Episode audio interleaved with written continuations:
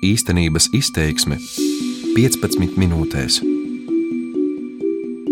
Bet senāk paiet ekli, tad te ir tās uh, sliedas. Jā. Šeit jūs, te jūs dzīvo māja. Nē, šeit ir Mājas, te kaut kur, jā. Māja ir šeit. Šo sarunu ar zemnieci Anitu Damsonu ierakstījām pagājušā vasarā. Un tad senāk, kad jums lielākā daļa teritorijas paliek otrā pusē. Jā, paliek 8 hektāri. Un Kā tad jūs tā saitas metīsiet pāri? 8,5. Labs jautājums. Es saku, es nezinu vēl. Man neviens neko nav sazinājies. Viņas īpašumu divās daļās sadalīs ātrvilciena Real Baltica sliedes. Anita to zina jau piecus gadus, taču neviens ar viņu nav sazinājies un izskaidrojis, uz kādiem noteikumiem atsevinās zemi. Šogad visā Baltijā no idejas uz papīra projektam jāpāriet pie būvniecības. Kavēšanās ar zemju atsevināšanu ir tikai viena no problēmām. Mani sauc Ines Liepiņa, es esmu žurnāliste Baltijas pētnieciskās žurnālistikas centrā Rebaltika. Turpmākajās 15 minūtēs par to, kāpēc Baltijas gadsimta projekts skrien no sliedēm. Kopā ar mani šodien studijā ir arī Rebaltika redaktors Anita Jēnberga. Sveiki! Izskaidrosim uzreiz, kādēļ šobrīd ir jāpēta Rail Baltica. Piektdien, 7. februārī, Tallinā tiksies visu trīs Baltijas valstu premjeri, un viņiem ir jāvienojas, kā pātrināt iekavējušos darbus. Tā kā parasti katra valsts runā tikai par sevi un savām interesēm, mēs citu argumentus nedzirdam.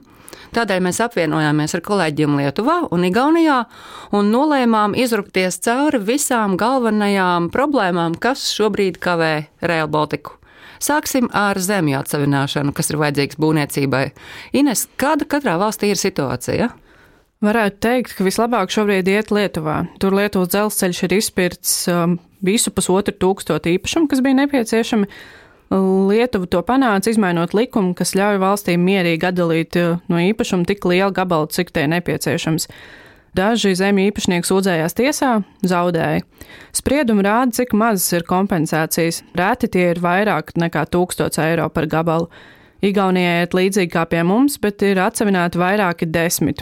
Mums ir atsevināti divi zemes gabali, viens no finanšu ministrijas pārrakstīts satiksmes ministrijai, otrs no Rīgas pašvaldības. Vēl vajag 1623, un pirmais termiņš jau ir nokavēts par diviem gadiem. Pētot zemju atsevināšanu, tu uzgāji arī pirmo potenciālo tiesvedību, par kuru pagaidām nav ticis ziņots.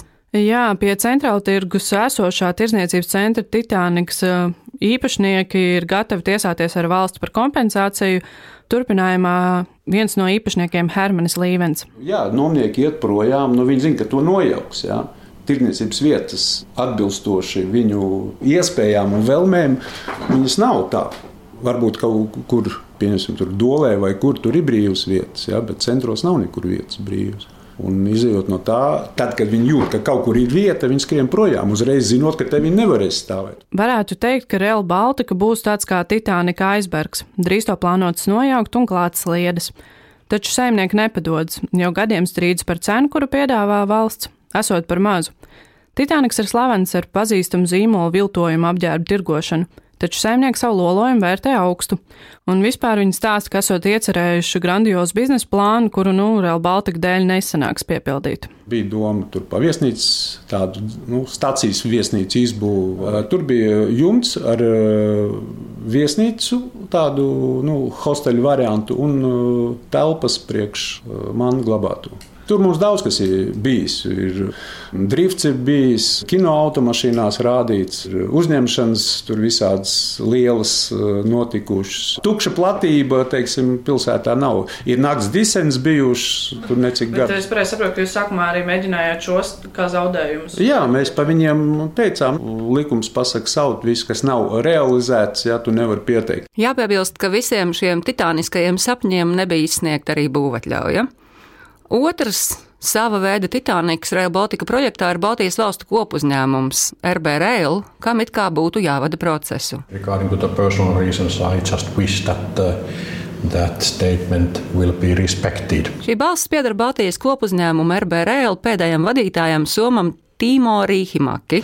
And I'm not actually very keen on uh, going into the details uh, behind those uh, personal reasons. Runājot par personīgiem iemesliem, es gribētu, lai jūs respektējat manu paziņojumu. Un es nepārāk vēlos runāt par detaļām, kas attiecas uz šiem personīgajiem iemesliem.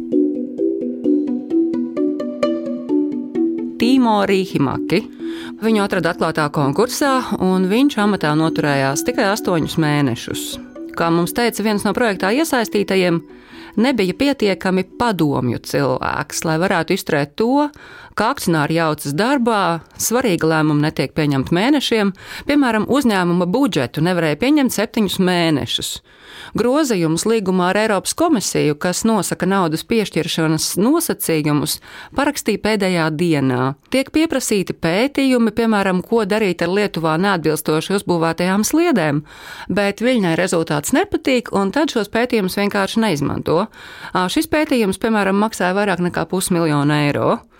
Taču Soms par to nekad atklāti nerunāja. Viņš runāja tikai aiz slēgtām durvīm prezentācijā Eiropas komisijai, pēc kuras darbā viņš vairs neatgriezās. Izskaidrojums, kādēļ tas tā notika, ir RBRL juristam Girtam Rūdam. Tas, ko es varu teikt pēc savas pieredzes, tā ir vienkārši korporatīvā kultūra, ka, ja tu gribi turpināt darbu saistībā ar šādu jomā, Tu pasaki īpašniekiem iemeslus, kāpēc tu ej projām, bet tālāk uz ārā to vairs nesaki. Tas paliek tikai konkrētā projektā vai uzņēmumā iekšienē. Un tā ir daļa no korporatīvās kultūras. Un vienlaikus, ja tas paliek tikai iekšienē, tas var arī traucēt projektam. Un tas ir tas iemesls, kāpēc mēs uzskatījām, nu, ka labi, mēs varam nezināt līdz galam vienu vai otrā cilvēka iemeslus. Bet, ja gada laikā vai 14 mēnešu laikā nomainās pieci augstākā līmeņa vadītāji mūsu organizācijā, un tas parāda, ka kaut kas nav kārtībā. Baltijas valsts kā uzņēmuma akcionāra darbinieku atklāto vēstuli norādīja kā emocionālu komunikāciju, bet mūsu pētījumā vairāk bijušie darbinieki no atslēgas pozīcijām, piemēram, galvenais tehniskais direktors, skaidro, ka šādi strādāt nav iespējams un nekas netiks uzcelts, ja procesam nebūs viena saimnieka. Latvija un Igaunija abas kā uz vainīgo rāda uz Lietuvu. Lietuva savukārt kustina rokas tādā nu, nevainībā, es neko nevaru, man tādi likumi. Tātad, kas ir mūsu galvenā problēma attiecībās ar Lietuvu? Reizēm šķiet, ka ar Lietuvu ir viens vienīgs problēmas, bet um, redzamākā no tām ir uh, dzelzceļa posms no Kaunas līdz Polijas robežai. Tā vienkāršot runājot, lietuvieši 15. gadā uzbūvēja posmu, Pēc tam izrādījās, ka tas īsti neatbilst Rail Baltica tehniskajiem standartiem. Nu, un būtu dīvaini atbilst, ņemot vērā, ka tehnisko standartus apstiprināja trīs gadus vēlāk. Galvenā problēma - vilciens tur nevar ātri braukt. Tātad ātri vilciens nonāk līdz Kaunijai ar ātrumu 230 km/h, tad spiests piebremzēt līdz 80 km/h, un kaut kādos brīžos viņš pat ir spiests stāvēt, ņemot vērā, ka tur ir tunelis ar vienu sliežu ceļu. Un var gadīties, ka priekšā jau stāv reģionālajie vilcieni, kurus jāpalaiž. Lietuvai tas ir jāpārbūvē, bet viņi cenšas izvairīties. Tas maksā šos 600 līdz 700 miljonus eiro, kas principā ir divas reizes dārgāk nekā oriģināls. Skaidrs, ka viņi to nevēlas. Un jāsaka, ka šī pētījuma laikā es kā redaktors beigās arī sāku justies drusku kā aizgājušais somu direktors Rīhimaki, jo kolēģis Lietuvā vienkārši nevarēja tikt līdz loģiskām atbildēm. Mēs ar Igaunijas kolēģiem sakam tātad, jūsu premjers vairākas reizes ir sacījis, ka šo posmu pārbūvēs. Lietuviešu kolēģis aiziet pie premjera, aiziet pie Lietuvas dzelzceļa un atgriežas ar atbildi. Nē, nepārbūvēs, nav mums tāda lēmuma. Līdz ar to Pētot, kas kavē Rail Baltica, mums gāja tieši tāpat kā šī projekta ieviesējiem. Viens solis uz priekšu, divi atpakaļ, grūti saprast, kam ir taisnība.